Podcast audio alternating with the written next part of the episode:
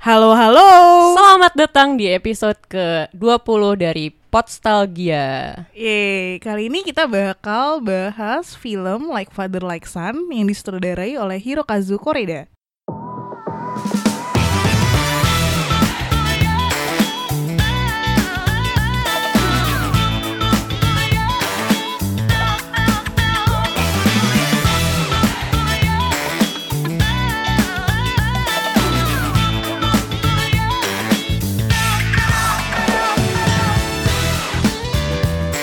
Terima kasih kepada Dai dan Dewi yang telah menyumbangkan suaranya untuk menjadi opening dari episode ke-20 dari Podstalgia ini. Jadi gue mau say hi dulu buat Dai. Halo Dai. Halo. Halo dan Dewi. Halo. Hai. Jadi Like Father Like Son ini adalah pilihan dari Dai ya. Kenapa sih Dai mau pilih ini? Ya saya gue kalau nonton film ini ingat masa kecil gue. Bukan berarti gue putri yang tertukar ya. Oh bukan. Bukan, tapi kayak eh, kita bisa bisa dari film itu kita bisa nonton gimana perbedaan anak kecil yang tumbuh di perkotaan, di Mhm. kota besar sama di pedesaan gitu. Dan Hmm. dulu gue waktu kecil lumayan sering jalan-jalan sama bokap gue ke desa-desa, terus kayak main di sawah, main di kali. Nah, itu tuh makanya nostalgic banget buat gue gitu. Oh, dan ini sebagai informasi aja nih, Dai ini di episode 2 udah muncul duluan loh di Juno. Mungkin teman-teman udah inget ya pas denger ini lagi. Iya. Jadi say hi lagi untuk Dai. Hai Dai. Hai Dai. oh gitu dan sekarang di kota ya Iya, kebanyakan. iya. Mungkin jadi bisa relate di antara posisi satu anak yang di desa dan di kota. Di kota, betul betul betul banget. Jadi ini sebenarnya filmnya tentang apa sih judu- eh, cerita utamanya? cerita utamanya sebenarnya eh, ada dua anak laki-laki yang ketukar waktu mereka lahir. Jadi mereka dibesarin oleh keluarga yang bukan keluarga kandung dan ya biologis mereka aja sih. Terus eh, pas salah satu anak ini mau masuk sekolah swasta, eh, orang tuanya baru tahu loh ternyata dia bukan anak gue. Nah gitu. Nah nanti di film ini kita bakal nyaksiin eh, gimana pertemuan antara dua keluarga ini buat eh, aduh kita tukeran anak atau gimana nih soalnya anaknya itu juga kalau nggak salah umurnya udah lumayan gede dan udah apa ya udah kebentuk dengan cara didikan keluarga masing-masing gitu dan orang tuanya juga udah punya bonding sama anaknya sendiri walaupun itu bukan anak kandung nah gitu deh itu sih yang bikin seru Iya itu Hmm. seru banget sih. Mm-mm. Apalagi kayak mereka pasti bingung kan, aduh mau ditukar atau enggak. Iya betul betul banget. Terus em, dan lucunya lagi dua Mm-mm. keluarga ini tuh lumayan berbeda banget gitu backgroundnya kayak satu tinggal di perkotaan bapaknya arsitek terus kayak arsitek sukses kayak Iya. perfeksionis lah terus kayak wah lo harus eh, belajar piano lah harus ini harus itu sedangkan eh keluarga yang satunya lagi yang tinggal di pedesaan tuh punya toko kelontong terus carefree banget hidupnya. Kayak ya kalau liburan camping terus mancing di sungai terus kayak anaknya wah lari-lari lah wah heboh banget ya kayak gitu. Jadi eh, kocak aja sih kita bisa ngelihat kedua kontras ini dan menurut gue itu nggak nggak apa ya itu juga bisa dilihat di sini gitu di Indo gitu. Gimana kayak ketika lo growing up di keluarga yang mungkin lumayan strict Mhm. nggak harus di perkotaan tapi lumayan strict atau lo uh, grow up di keluarga yang lumayan carefree gitu Iya. Ya sih Ngaruh Setuju sih. Eh. Ngaruh ngaruh ngaruh banget. Ngaruh banget karena kelihatan kontrasnya itu menurut gue di anak sih. iya di anaknya betul betul Karena ketika udah mulai dicoba ya, Mm-mm. ditukar lagi Mm-mm. ke aslinya ya, Mm-mm. orang tua sama anak yang asli, kelihatan bedanya kalau yang desa itu karena carefree, jadi dia kalau ditanya apa ya ngejawab aja Iya, sesuka dia. iya, banget. Sedangkan yang di kota tuh Keita, ya, karena lucu Iya, ya, jadi Keita. keinget dia itu yang pemalu gitu loh, yang timid, yang mungkin Iya. karena dia takut ngelakuin salah, nah iya itu benar banget jadinya dia lebih reserve sih menurut Iya. gue. dan itu juga lumayan ngingetin gue kalau di Indo tuh eh, apa ya kadang tuh kalau ada anak kecil ditanya sama orang lain kayak halo namanya siapa eh yang ngejawab orang tuanya Iya. itu I don't know secara langsung kayak ngebentuk anaknya untuk nggak gitu yakin dengan dirinya sendiri sih jadi ya mungkin di film ini kita bisa ngelihat gimana pola parenting anak eh eh jadi kayak psikolog anak nih Weh. Bang. kayak gue ya maksud gue gimana Setuju tapi. perilaku parenting an eh, parenting anak tuh ngaruh banget ke karakter anaknya juga gitu dan dan ini juga di film ini kita bisa ngelihat antara nature sama nurture menurut gua. Mm-mm. kayak eh, si bapak arsiteknya bapaknya Keita kan bilang kayak iya dia emang ngerasa dari awal ada yang off dengan anaknya. Kayak itu kayak bukan anak gue deh. Kayak eh, kok perilakunya beda ya? Gitu-gitu. Tapi ketika dia ketemu sama anak kandungnya asli dia juga nggak ngerasa eh, anaknya itu mirip dengan dia gitu dari segi perilaku dan lain sebagainya. Jadi em, menurut gua ya gimana ya? Ya kalau anak tuh ya ada faktor nature sama nurture aja sih. Kayak kalaupun em, anak arsiteknya siapa namanya? Gue lupa si bapaknya itu. Eh, Nanamia. oh iya, iya kalau maksudnya eh, anaknya Lupa Nanamia siapa tapi nama anaknya. Nanamia bukan berarti dia bakal mirip banget sama Nanamia karena dipengaruhi juga oleh apa ya faktor-faktor nurturing dia si anaknya itu juga dan ya kalau anak tuh tetap jadi individu yang sendiri kan berdiri sendiri jadi Betul. nggak harus ya ngikutin orang tua atau gimana gitu sih Toh dia juga kan hidup sama ibunya juga Mm-mm, kan dan iya. ibu gaya ibu sama bapaknya menurut gue cukup berbeda Ih, sih. beda banget beda banget kayak waktu apalagi soal yang piano itu eh, menurut gue ibunya kayak lebih ngasih apa ya ruang lah ke anaknya ya udah lu kalau udah anak les piano ya udah berhenti nggak apa-apa tapi kalau Mm-mm. bapaknya tuh kayak nggak lu harus latihan lu udah latihan belum hari ini berapa jam gitu gitu Tapi kalau menurut lu dari judul Like Father Like Son, Hmm. apakah itu ada hubungannya sama yang tadi lo bilang nature nurturing atau sama masa lalu oh dari bapaknya mungkin? nah ya mungkin eh, kalau nggak salah gue lupa lupa ingat juga nih Hmm. kalau nggak salah eh, hubungan siapa ya arsiteknya Eh, Nono Nona Mia itu. Nanamia Heeh. sama bapaknya juga nggak gitu deket ya Iya, kurang lebih mirip karena gue inget bagian ketika yang dia Piano. berkunjung itu juga ya ya Nah, yang gue inget ya Mbak, kalau gue ingetnya yang bagian piano, terus Hmm. dia bilang dulu juga bokap gue maksa gue untuk main piano mm, ini. Mm, oh iya juga sih mungkin di filmnya kenapa judulnya Like Father Like Son Mm-mm. eh gue ngelihatnya father tuh bukan berarti tuh selalu apa ya artinya father lo secara biologis tapi juga father di mana lo grow up juga gak sih Mm-mm. kayak soalnya si siapa yang anak pedesaan namanya Aduh lupa, tapi Nah, anak lupa. pedesaan. yang Hmm. anak desa itu yang anak desa itu eh, perilaku dia kayak gigit sedotan dan lain sebagainya itu Iya. lebih ya gitu eh, lebih apa ya lebih mirip sama bapaknya yang bukan kandung tapi bapak di mana dia selama ini eh, grow up bareng kayak Betul. gitu sih jadi like father like son ya kayak ayah kayak anak tapi it doesn't mean eh, terbatas sama relasi biologis aja kayak Mm-mm. gitu sih Apalagi- tapi Mm-mm. bener sih yang lo bilang kayak eh, mungkin bisa jadi eh, gimana cara orang tua ngasuh kita itu bakal mempengaruhi juga gimana cara kita ngasuh anak kita nanti ya nggak sih Iya. Entah Kalau dia lu nyamain. mau iya atau lu mau punya anak Nov ya Eh, itu Jauh. belum tahu Oh, ya. itu juga belum tapi tahu. belum Calonnya ada juga belum ada, Iya. ya Oh, ampun. mungkin nanti cari di bank. eh lo kok Bank, di bang bank sperma. eh enggak, enggak. gua kira bang apaan Enggak, enggak, enggak, ya? Jadi, komedi banget nih iya orang udah serius-serius ya, Iya, sedih-sedih. serius-serius sedih-sedih ya kan. Tapi emang Hirokazu Koride tuh eh, sering banget bawa apa ya film drama keluarga gitu gak Hmm, sih? Iya, iya. Kayak yang lo bilang kan di episode Iya. 2 Oh, iya kenapa Dan gue gue belum nonton Mm-mm. Apa judulnya gue lupa shoplifter? Bukan Shoflit Ya itu satu Ah. Satu lagi Eh, Yang- Our Little Sister. Ya Our Little Sister kan Itu juga dia ya Itu juga dia. Terus eh apa Nobody Knows. Mm-mm. Itu juga dia juga tuh. Gitu. Tapi kalau gue pribadi Gue seneng sih nonton filmnya Mm-mm. Karena kan gue agak cengeng Jadi oh, mewek you gitu eh, emang Moon lu cancer enggak kan? Moonnya Pisces Oh, sama dong kayak Dewi.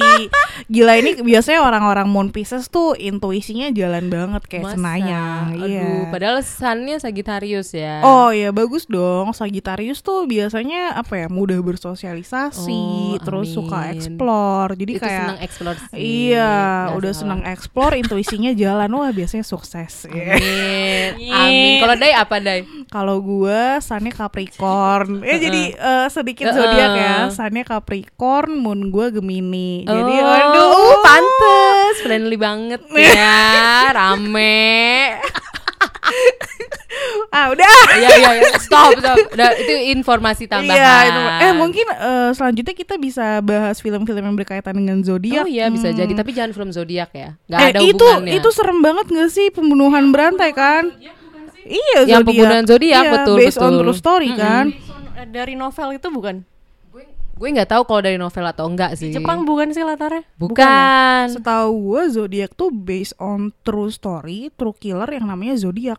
Iya itu ya, Ding. Iya iya ya? iya. Oh enggak, gue inget satu novel lain gitu bikinan kalau nggak salah penulisnya orang Jepang sih, tapi tentang pembunuhan zodiak, eh, serial killer juga. Oh mirip. Tapi dia ngebunuhin orang berdasarkan zodiak atau enggak? Nah itu dia gue nggak baca sampai habis, Oh. tapi kayaknya berdasarkan zodiak sih. Jadi Iya, kayak iya iya. Eh, ini tergantung season apa gitu ya. Kalau sekarang kan Aquarius season ya, berarti Hmm. mungkin dia nyari orang-orang Aquarius gitu kali ya. Atau gimana? Jadi dia tuh ya badannya kayak diambil ber- perbagian doang dari masing-masing zodiak terus disatuin ke satu figur yang baru kumpulan dari semua Wow. zodiak itu. Kalau gua nggak salah ya soalnya gue at one point gue udah nggak punya waktu buat ngabisin bukunya jadi Iya, gue karena iya. penasaran banget gue baca akhirnya. Always. Mantep sih. Dewi nggak sabaran. Mm, itu info tambahan ya, Hmm, zodiak ada Mungkin dua. bisa ditambahin di watching eh, watching list teman-teman ya. Iya, betul betul. Oh ya kita balik ke like father like Iya, son. Jadi balik lagi. karena bikin uh, gue mewek you. Eh lu Uh-uh. nangis ya, gue juga nangis. Oh, gue gue nggak nangis. Oh enggak ya. Oh, gue iya. baru 30 menit aja udah mulai. Eh, aduh baru 30 menit. Iya. Gue di akhir sih yang Oh, iya, pas gue mereka juga. udah mulai tukeran tempat tinggal. Oh, bagian itu. Ah, terus eh, bagian si siapa anak desanya tinggal di Mhm. kota itu dia kayak ngurung diri gitu kan terus Iya, jadi sempat ngurung pendiam. diri terus jadi pendiam terus Betul. kayak ya gitu deh gue kayak ah, kasihan Kalau gue yang cukup mewek you-nya ketika tokoh Nanamiya itu alias bapak yang arsitek yang menurut gue cukup apa ya tidak bisa mengekspresikan rasa cinta. oh iya Eh. bener sih karena nggak semua orang bisa ngekspresiin apa yang dia rasain nggak sih Betul. itu setuju. juga sebenarnya yang menarik buat dibahas dari keunikan tiap keluarga gitu loh kayak kadang lo menemukan di circle lo tuh ada beberapa temen lo yang mungkin lo ngeliat lo nggak bisa relate gitu sama gimana hubungan dia dengan keluarganya karena Hmm. kayak ada beberapa keluarga yang emang eh, di rumah tuh mereka terbiasa untuk mengekspresikan rasa kasih sayang Iya, dan iya.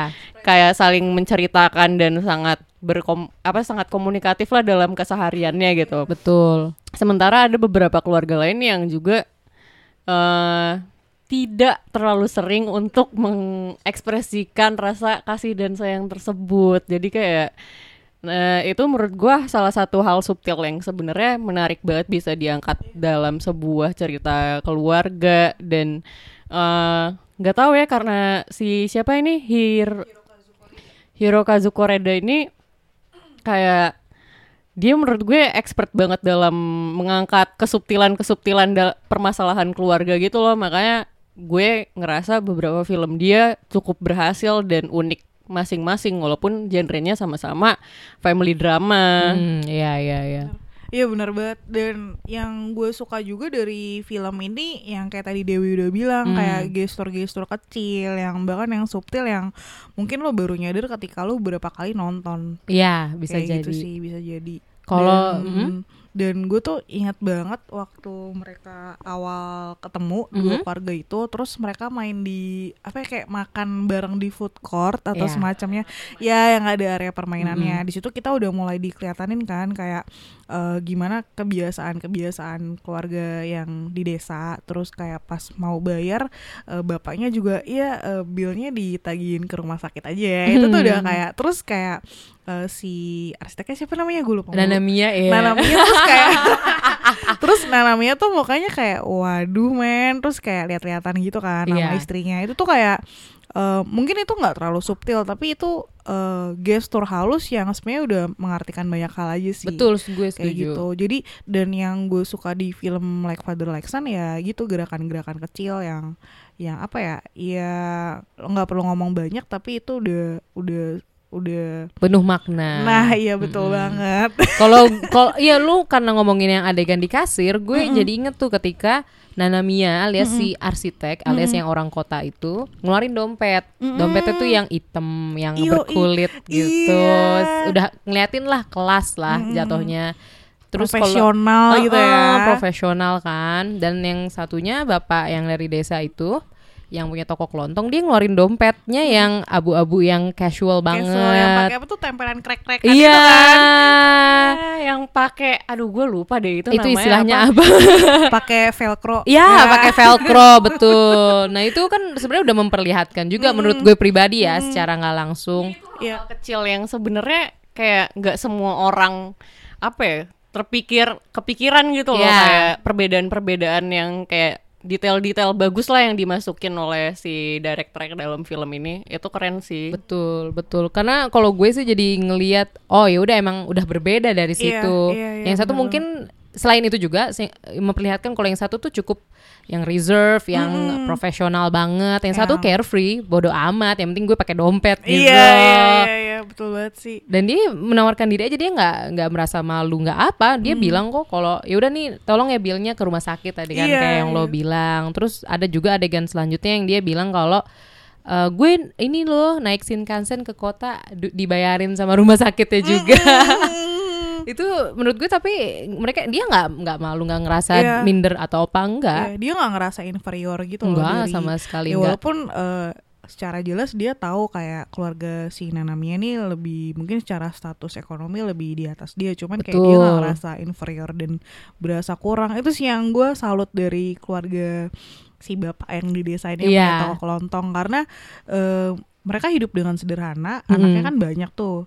Terus kayak rumahnya juga relatif kecil tapi kayak mereka bisa apa ya eh, menikmati hidup dari kesederhanaan itu. Mungkin ada pengaruh juga sih karena rumah mereka deket alam jadi kayak lebih banyak hiburan kali ya daripada Iya. orang kota. Kalau butuh hiburan ngapain? Shopping enggak ya? Banding banget tuh yang adegan di sa- apa masing-masing dari Keita dan si anak satunya siapa namanya aduh gue lupa gue lupa Iya Ah, anak, desa, satu lagi anak yang di desa Heeh. yang ketukar Iya. Eh, mer- eh, kalau nggak salah tuh ada eh, dua adegan perbandingan ketika dua anak ini mandi di rumah mereka yang baru. Si Keita yang tadinya biasa mandi sendirian tiba-tiba jadi diajak mandi bareng-bareng. Iya iya iya. dia iya, tuh iya, juga di iya. situ agak agak bingung sendiri nggak sih harus ngerasa Heeh, kayak gimana soalnya kayak eh kelihatan banget di wajahnya kalau itu tuh pengalaman yang baru buat dia. Betul. Sementara si anak yang desa eh, dia mandi di kamar mandi biasanya kita mandi di situ dengan banyak mainannya nggak sih? Mainannya banyak banget kan ya di itu. Jadi kayak Betul. emang si permasalahan perbedaan kelas ini juga sebenarnya punya dampak yang cukup drastis dalam kebiasaan yang bisa kita turunkan pada seorang anak gitu loh. Kayak ya mulai dari hal-hal sesimpel yang kayak cuma aktivitas mandi gitu. Sumpit juga pakai oh sumpit. iya pakai sumpit, pakai sumpit.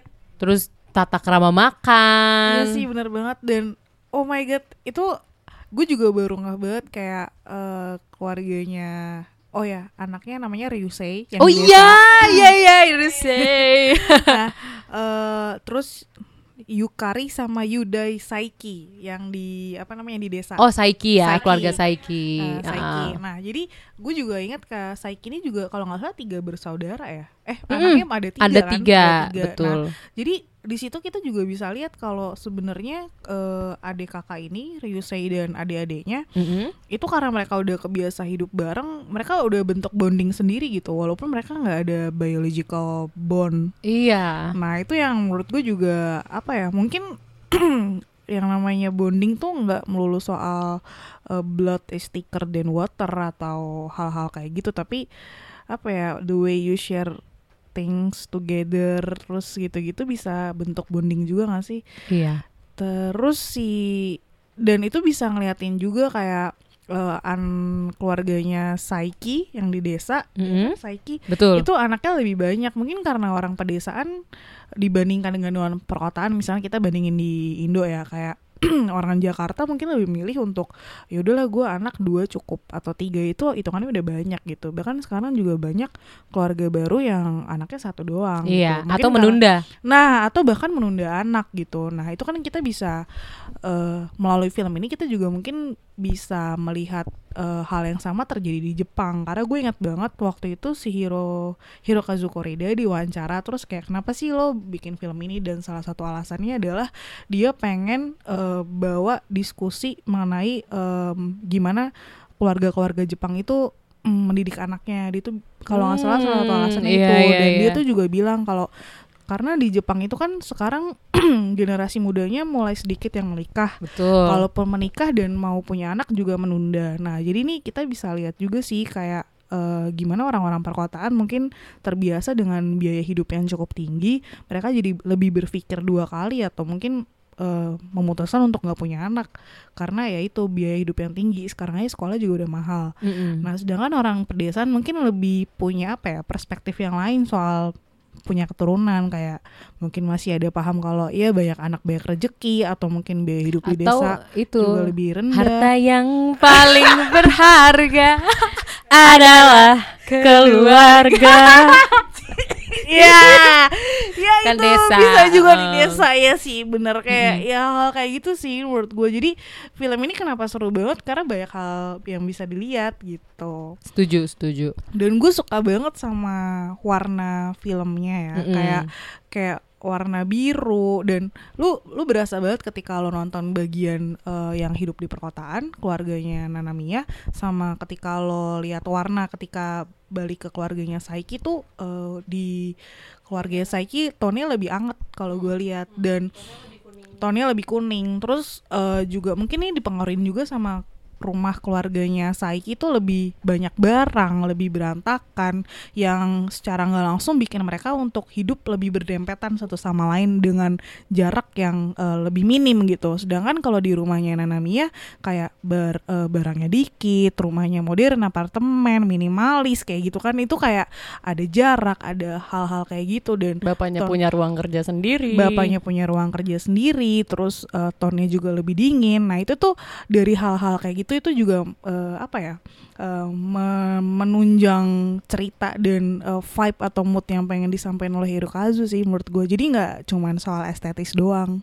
Iya tapi detail-detail kecilnya juga yang kayak gue ingat adegan yang mainan sih. hmm, eh, mainan. Si siapa anak satunya? Ryusei ya? Ryusei. Ryusei mainannya rusak kan? Eh. Iya mainannya rusak terus kayak dia minta ke bapaknya bapaknya di desa bapaknya bukan kandung buat betulin dan bapaknya gampang ngebetulin Iya kan? iya. Tapi waktu dia pindah, Nah, yang waktu dia pindah, ah, terus dia udah pu- udah kebiasa punya bapak yang selalu bisa dia andelin dalam membenarkan mainannya. fixing things. Iya fixing things. Eh, ternyata bapaknya yang baru ini nggak bisa, bisa, benerin mainan dan itu bikin dia benar-benar kecewa. Iya, kayak, ah kok lu nggak bisa benerin mainan gue sih? Kayak bapak gue yang biasanya bisa benerin gitu dan mungkin juga itu eh, apa ya nunjukin pola hidup masyarakat perkotaan ya sih kayak yang gue nggak nggak generalisasi tapi kayak mungkin sebagian dari kita kalau ketika ada barang rusak kita nggak memperbaiki tapi ya udahlah beli baru Iya. lagi ya bisa jadi Kayak gak tahu sih kelihatan gak tahu ya gue juga jadi baru nggak sekarang sih yang kayak em, si Keita ketika Keita. dia tinggal di rumah keluarga Ryusei eh, ada adegan yang bapaknya itu ngajak dia bapak barunya dia ngajak dia buat kayak eh sini sini Wa- wa- waktu bapaknya lagi kerja jaga toko ya lagi Iya. benerin sesuatu kalau nggak salah terus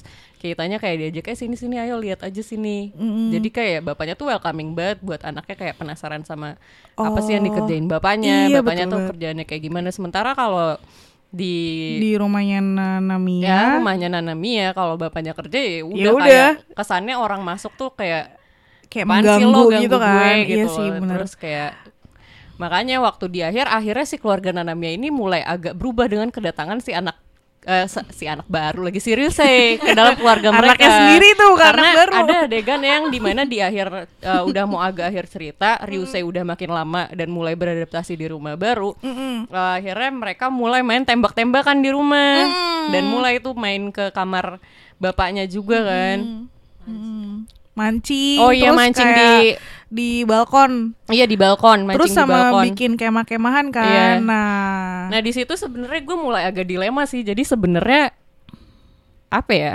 ending yang adil buat film ini tuh kayak Apa? gimana? Apakah kayak emang sudah sewajarnya mereka dikembalikan pada orang tua kandung mereka atau ya nggak bisa dipaksakan Mhm. karena mereka toh udah terlanjur apa ya? Udah em- embo- embedded gitu loh pendidikan yang hmm. ya nurture- masalah nurturing tadi. Iya, iya sih, benar juga.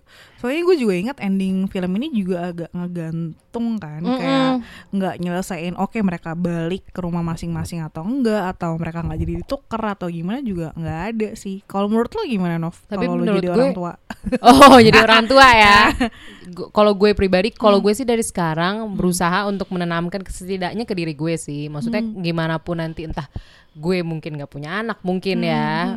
Maksudnya entah anaknya lahir dari rahim gue atau ternyata anaknya adopsi. Pokoknya gue berusaha untuk nerima segala kondisi itu sih. Cuma Iya sih, bener. kalau emang ternyata anak gue ternyata bukan dari darah gue sendiri atau mungkin anaknya bawaan dari suami ya menurut gue ya terima aja sih selama selama ketika tinggal bareng tuh membuat satu sama lain nyaman Iya, menurut gue betul. sih itu karena yang gue tangkep kalau dari film itu yang penting rasa nyaman sih yang didapatkan Hmm, iya tidak sih. melihat Betul. darah ya tidak Darah. melihat keturunan betul betul. Karena kalau gue lihat yang keluarga desa menurut gue pribadi gue langsung Hmm. aja ya maksudnya emang gue melihat lebih nyaman sih keluarga desa lebih berwarna-warni juga mungkin karena Iya. bajunya warna-warni Oh, ya iya bener juga sih. kayak anaknya juga. hijau terus bapaknya ada yang warna, ku- ah, warna kuning gitu sedangkan kalau yang kota tuh ya ibaratnya minimalistik iya. yang monokrom basic colors, basic colors putih, uh, walaupun gue juga senengnya basic colors juga sih cuma cuma itu cuma kalau di film menurut gue itu sangat memperlihatkan kontras dan situasi. Dan gue jujur memang terasa nyaman banget sih di keluarga yang desa. Kayak lo jadi apa adanya lo. Mm-mm, bener banget. Nah kalau di keluarga desa tuh kayak ya udah mereka mungkin nerima anak mereka ya apa adanya, Mm-mm. nuntut macem-macem gitu gak sih? Iya, makanya kayak ag- pas adegan makan tuh di keluarga desa, gue eh, inget ketika mereka makan di makanan kayak makanan Jepang tapi satu satu pot gitu besar dan mereka kan langsung nyomot tuh dari situ ya Iya. kan. Ketika nyomot tuh si eh, tokoh yang anak dari kota Keita. Keita itu kayak agak bingung kan Iya. kok lo langsung pada makan langsung pada ambil pada nyomot sedangkan kalau misalkan kita lihat yang di kota yang biasanya mungkin anteng kali ya yang reserve yang yang ibaratnya tak penuh tata krama itu uh, adalah kontrasnya ketika si Re- Ryusei itu makan kan karena dia langsung makan Langsung aja makan aja. Iya, aduh panas tapi makan dan itu jadi orang tuanya kan ngeliatin kan Iya. ya ampun nih anak kok kagak ada sopan-sopannya mungkin ya Gitu, iya sih, kayak bener. gitu tapi ya makan kan di rumah lagi maksudnya kalau di rumah lo nggak bisa jadi apa yang maksudnya di, ketika di rumah lo sendiri lo tidak bisa memperlihatkan lo yang paling nyaman itu menurut gue udah Iya, itu sih udah. udah cukup memperlihatkan ada yang ada yang kurang ini nih ada yang kurang tepat nih di rumah kalau menurut gue sih seperti Iya sih. itu Betul sih. Soalnya nih juga dari film ini kita bisa nunjukin soal nyaman gak nyaman tuh ya emotional bonding gak cuman itu doang sih ya macem-macem gak sih tapi menurut lo kayak gimana Dewi ya Dewi atau Tuna nih panggilannya Bebas. Kayak sih sebenarnya mereka kayak balik atau kalau gue sih lebih pengen mereka tinggal Iya tinggal dan hidup bareng dua keluarga itu sih kayak tetap tukeran tetap dan bareng-bareng iya itu ah, sebenarnya lebih dan sebenarnya ending filmnya juga mengarahkan pada itu kan? Mengarahkan pada Iya. itu sih. Cuma ya emang pada akhirnya eh kalau gue nggak salah menginterpretasikan film ini sih eh pada akhirnya isi hati masing-masing anak ini tuh muncul dan bisa terlihat secara subtil dari prakarya mereka apa? Oh. yang satu siri si Keita mungkin ke- eh, bisa kelihatannya dari bunga bunga yang dia kasih ke bapaknya. Dan dia bikin dua bunga di situ. Mm-mm. Iya. Bunganya nggak cuma buat bapak kandungnya sendiri tapi eh bapak kandungnya bapak yang dia kira bapak kandungnya tapi juga kepada bapak yang baru saja ia kenal. Iya, ternyata itu betul bapak banget. kandungnya. Hmm, terus juga eh, si Ryusei ini kalau nggak salah juga ditunjukin deh prakarya tapi bukan bunga bentuknya tapi gambar. gambar nah di gambar itu kalau nggak salah bapak kandungnya bapak yang ternyata bapak kandungnya marah Namayaki. Hmm. karena hmm, apa ya gambarnya tuh gambarnya itu mukanya orang tua desa. Oh iya, bukan oh, bukan orang tua yang barunya kan, Iya. tapi tetap orang tua yang lama. Jadi kayak menandakan bahwa dia tuh nggak bisa terima kalau orang tua gue tiba-tiba harus diganti begitu saja gitu. Kayak di umur mereka yang masih kecil ya, mereka nggak bisa ngerti apa itu bloodline, apa itu apa ya? Ya mereka cuma bisa percaya apa yang mereka eh, rasakan dari mereka kecil ya itu faktanya itu realitas mereka ya sebatas itu gitu loh. Hmm, Jadi iya benar-benar. Jadi dari dari prakarya yang mereka bikin tuh nunjukin realita mereka sebagai anak gitu nggak sih perspektif mereka sebagai anak. Iya perspektif mereka Iya. sebagai anak dan kayak ya akhirnya yang no- yang nonjok di akhir kan seingat gue ya eh, si bapak apa Nanamia ya yang Hmm. kaya yang arsitek lah itu nah ya yang kaya dan arsitek yang Eh. dingin akhirnya baru sadar awalnya kan dia pro justru untuk eh, tukar aja anaknya karena bloodline itu penting Hmm. Iya. dan di anak gua ada gen gen hebat gua gua, gitu ya iya. kayak gen gue yang hebat ya turunnya ke anak kandung gue lah masa ke anak orang gitu Iya. loh yang kayak nah itu tuh penting buat dia dan kalau nggak salah itu emang agak tertanam di cara pandang keluarga mereka ya nggak sih waktu dia berkunjung ke bapaknya juga Mm-mm, kayak mm-mm.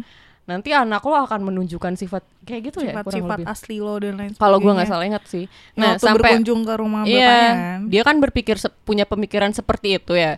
Sampai akhirnya di akhir eh gue nggak tahu ini salah apa enggak ya. Tapi dia tapi dia ini akhirnya nemu si bunga itu di selipan sofa. Mm-mm. Yang akhirnya baru dia sadar kalau apa ya isi hatinya si Keita tuh gimana gitu. Dan ternyata tuh bloodline bukan segalanya gitu. Makanya mulai ditunjukkan lah di akhir bapaknya ngejar-ngejar Keita. Iya. ya, yang kayak eh, mulai mulai jadi terlihat lah si bapaknya mulai jadi bisa belajar yang sebelumnya dia keras sendiri dengan pandangannya dengan apa ya cara dia dididik dan latar belakang kelas dia yang menengah ke atas gitu. Dia punya cara pandang begitu terhadap keluarga dan keturunan gitu. Nah, akhirnya dengan si pengalaman baru ini, pengalaman anak yang tertukar ini, dia akhirnya bisa mulai belajar bahwa ternyata tuh punya anak nggak sesederhana itu gitu, bukan cuma permasalahan gen, tapi juga permasalahan uh, nurturing tadi. Kalau menurut gue itu juga menjadi kritik sih buat masyarakat Jepang ya karena menurut gue Jepang, Korea itu sangat peduli sama bloodline sih. Masih sangat peduli ya. Kayak misalkan kalau misalkan gue sukses anak gue harus bisa sukses juga. Cuma kalau di Korea bedanya kan karena mungkin lebih ambisius ya by ya udah secara budaya lebih ambisius mereka kalau misalkan les piano itu dia nyari expert gitu atau guru piano buat ngajarin mereka eh, kemampuan piano kan biar jago. Sedangkan kalau Jepang kan yang ngajarin bapaknya sendiri kan. Heeh, dan iya, iya. itu itu juga mungkin ngaruh juga kayak kalau kayaknya emang China, Jepang, Korea itu benar-benar memperhatikan dignity keluarga nggak sih? Iya. Benar-benar bloodline itu adalah sebuah hal yang harus di kayak dijaga preserve, gitu, harus preserve dijaga. sih, Makanya bener. ketika mungkin menurut gue kenapa Bapak Nanamiya itu shock banget karena mereka dia tuh sangat menjunjung em, notion itu, notion kalau misalkan bloodline gue tuh harus bagus juga. Gue harus menjaga dignity keluarga gue. Orang bapak gue udah bikin gue seperti ini, gue juga harus punya anak yang juga sehebat gue dan bapak gue. Mungkin seperti itu juga. Makanya menurut gue ini juga mungkin ya agak kritik sedikit lah dengan Jepang yang cukup em, keras untuk urusan parenting dan bloodline itu. Oh, iya bener-bener. Bisa jadi sih. wow. Wow dari sebuah film bisa kayak wow.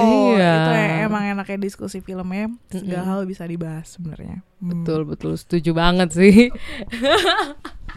gue gue tadinya juga agak males gitu loh kalau nonton film Jepang gue pribadi keluarga karena bakal kayaknya bakal sedih banget ya. Karena mungkin mirip kali ya sama Indonesia yang yang sebenarnya kulturnya mirip-mirip. Kalau misalkan drama kom kultur timur gitu ya. Kultur timur kalau misalkan Hollywood kayaknya drama keluarga banyak cuma kebanyakan satir dark comedy kebanyakan jadi dark comedy. emang buat ditertawakan gitu loh Iya, iya sih bener juga sih. Soalnya tapi gue juga nggak banyak nonton film Jepang sih. Mm-mm. Cuman kalau dari yang gue lihat film-film Hollywood Barat kalau bawa genre family drama tuh pasti selalu either konflik atau kayak ya buat sarkastik gitu. Ya gimana ya? Bukan yang aduh tapi bikin kayak hahaha mampus lo atau Iya. kayak gitu-gitu Karena tadi lo nyebut kayak kalau Hollywood barat terus gue jadi mikir apa ya drama keluarga di barat. banyak banyak, banyak banyak banget Eh, kayak J Captain Fantastic contohnya mungkin lo mau bahas Iya, Captain iya, Fantastic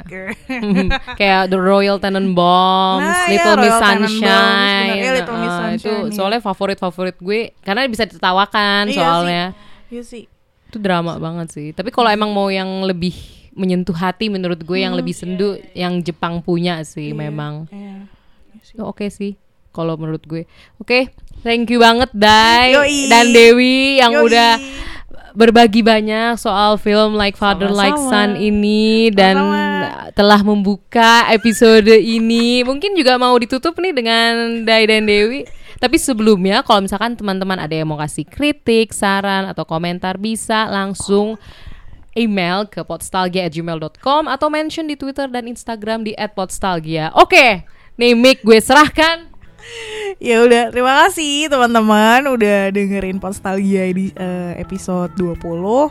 Mungkin teman-teman di sini kalau misalkan ya tadi si Novi udah bilang kalau ada kritik atau saran bisa kontak Postalgia dan sampai jumpa di episode berikutnya. Bye bye. Bye bye.